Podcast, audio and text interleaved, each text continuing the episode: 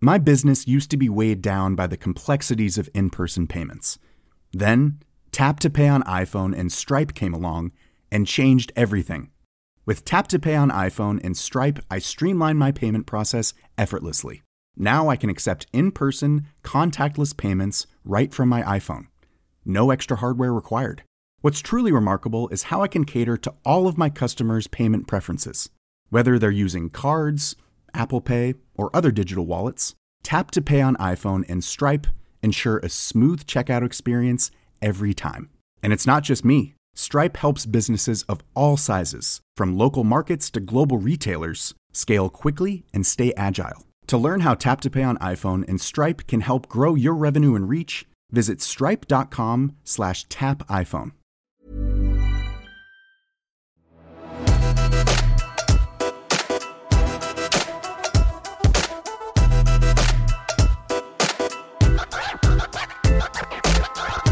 Sosiale medier er fascinerende. Altså Fascinerende i den forstand at det blottlegger på mange måter hvordan vi mennesker tenker, tror, mener og forholder oss til hverandre på, og ikke minst da, hvordan vi da forholder oss til fakta. Altså, Vi har for lengst bevega oss inn i et postfaktisk, postfakta, postsannhetssamfunn hvor det er følelsene som rår over fakta, og det med god hjelp fra algoritmene til Mark Zuckerberg, Meta, Facebook. Og det her er ikke bare fascinerende, men det er også svært skremmende og ikke minst skummelt. Men det som fascinerer meg her, og som henger tett sammen med overgangen fra et faktabasert til et følelsesbasert samfunn, som vi virkelig opplever hver dag i f.eks. tilknytning til koronapandemien og enkelte folks valg om ikke la seg vaksinere, det er fremveksten av diverse fenomener, tendenser, konsekvenser, syndromer og effekter. Og i den anledning så skal vi nå se nærmere på Dunning-Kruger-effekten. Altså, jeg har kjent igjen effekten i sosiale medier i lang tid, og da mest av alt på Facebook, men inntil nylig så hadde jeg ikke fått med meg da navnet Dunning-Kruger.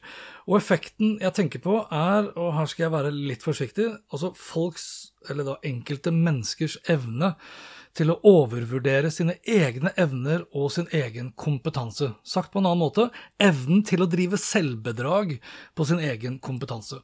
Og her har man på mange måter flere varianter av selvbedrag. På den ene siden av skalaen så finner vi bedragersyndromet, på engelsk imposter syndrome, som jeg selv kjenner på i hverdagen, ikke minst da når det handler om det å holde foredrag. Kort fortalt frykten for å bli avslørt som inkompetent. Og Fenomenet ble første gang presentert i 1978 av Pauline R. Clance og Susanna A.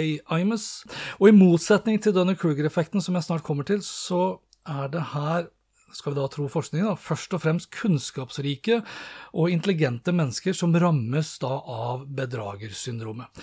På den andre siden av skalaen så finner vi da Dunning-Kruger-effekten, som da har fått sitt navn etter David Dunning og Justin Kruger, som i 1999 beskrev hvordan de som er inkompetente, har liten innsikt i sin egen inkompetanse. Legger vi så til confirmation bias, eller da på norsk bekreftelsesskjevhet, som enkelt forklart handler om vår egen tendens til å søke etter, tolke, favorisere og huske informasjon og kunnskap som mest av alt bekrefter eller støtter det vi tror på, ja, da har du en ganske god liten cocktail. Og hvis du f.eks.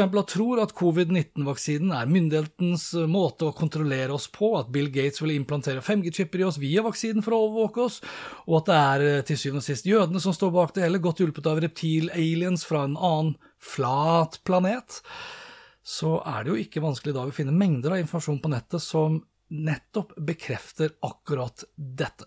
Og når eksperter da hevder det motsatte, etter at din egen confirmation bias har fortalt deg hva som er din sannhet, ja, da sparker Dunning-Kruger-effekten inn i tillegg. Dunning og Kruger karakteriserer dem som har blitt rammet av en dobbel forbannelse, som de kaller det. Altså ikke bare har de ikke peiling, men de har ikke peiling på at de ikke de har peiling. På godt norsk ubevisst inkompetent, samtidig som man er overbevist om at en egens inkompetanse er korrekt. Og her sparker Facebook sine algoritmer til så det synger i mellomgulvet. For det er jo nettopp det her som skaper engasjement. Og algoritmene elsker jo engasjement, og ikke minst da engasjement som polariserer. som skaper splid og avstand, innhold som rett og slett skaper masse følelser, ja, det engasjerer vi oss også da mest av alt i. Nå er ikke bekreftelsesskjevhet og Dunning-Kruger-effekten alene om å skape engasjement i sosiale medier om f.eks. av covid-19. Du har jo også de som da lider av selektiv persepsjonsskjevhet og optimismeskjevhet. Altså Sistnevnte her handler om personer som tror at de er selv mindre sannsynlig disponert for å oppleve en negativ hendelse. Som f.eks. er tilfellet titt og ofte med da antivaksere som angrer seg der de ligger dødssyke på intensivavdelingen, og som uttaler seg i mediene etterpå at nå vet de så veldig mye bedre. Fenomenet blir også omtalt som urealistisk og komparativ optimisme. Og for å sitere Dunning og Kruger, uten et visst nivå av selvbevissthet kan ikke en person objektivt vurdere sine egne evner eller inkompetanse.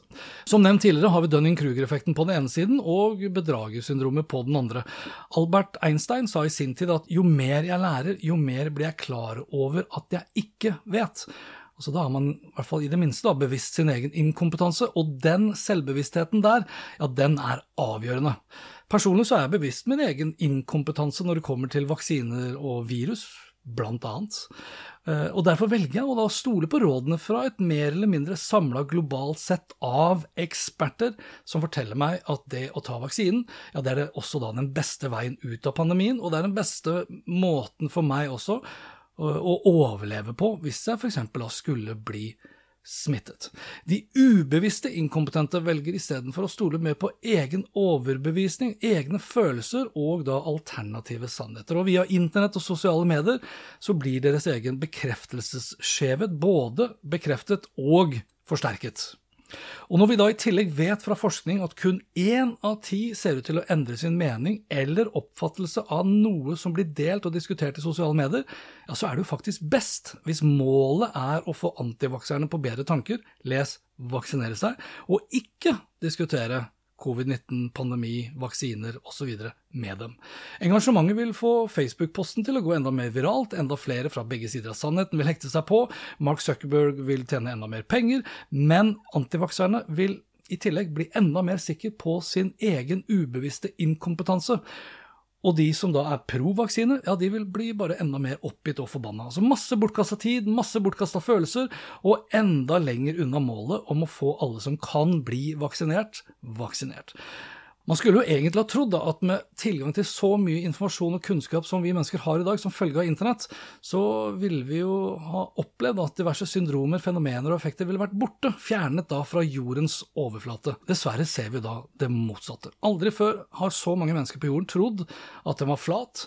Aldri før har så mange mennesker som i dag falt for alskens konspirasjonsteorier, og aldri før ser det ut til å være så vanskelig som det er i dag å overbevise tvilerne om at den beste veien ut av en pandemi, ja, det ser jo ut til, da, skal vi da igjen tro ekspertene, at vi da faktisk vaksinerer seg. Altså, det er helt greit, og det er helt riktig og viktig å stille kritiske spørsmål til det man blir eksponert for som det er f.eks. også da å stille kritiske spørsmål til vaksiner og regjeringers håndtering av pandemien osv. Men på den kunnskapsreisen, da, og når man da stiller disse spørsmålene, så er det jo viktig da, å være bevisst sin egen inkompetanse, og kritisk ikke minst til hvilke kilder man velger å tro på. Og ved da å ikke overvurdere vår egen kompetanse, ja, så kan vi også da kollektivt da oppheve denne doble Dunning-Kruger-forbannelsen som mange av oss da ser ut til å være under. Altså det faktum at man da ikke har peiling, og verst av alt da, at man da ikke har peiling på hva det er man ikke har peiling om. Lykke til, da. Vi snakkes.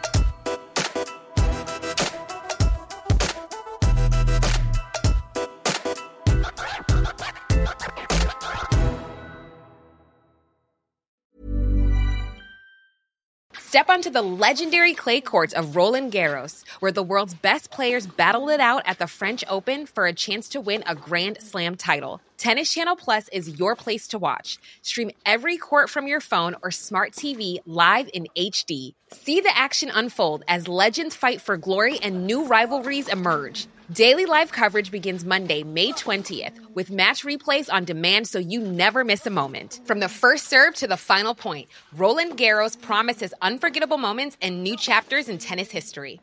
Stream now with Tennis Channel Plus to be there when it happens. My business used to be weighed down by the complexities of in person payments. Then, Tap to Pay on iPhone and Stripe came along and changed everything. With Tap to Pay on iPhone and Stripe, I streamline my payment process effortlessly. Now I can accept in person, contactless payments right from my iPhone. No extra hardware required. What's truly remarkable is how I can cater to all of my customers' payment preferences. Whether they're using cards, Apple Pay, or other digital wallets, Tap to Pay on iPhone and Stripe ensure a smooth checkout experience every time. And it's not just me. Stripe helps businesses of all sizes, from local markets to global retailers, scale quickly and stay agile. To learn how Tap to Pay on iPhone and Stripe can help grow your revenue and reach, visit stripe.com/tapiphone.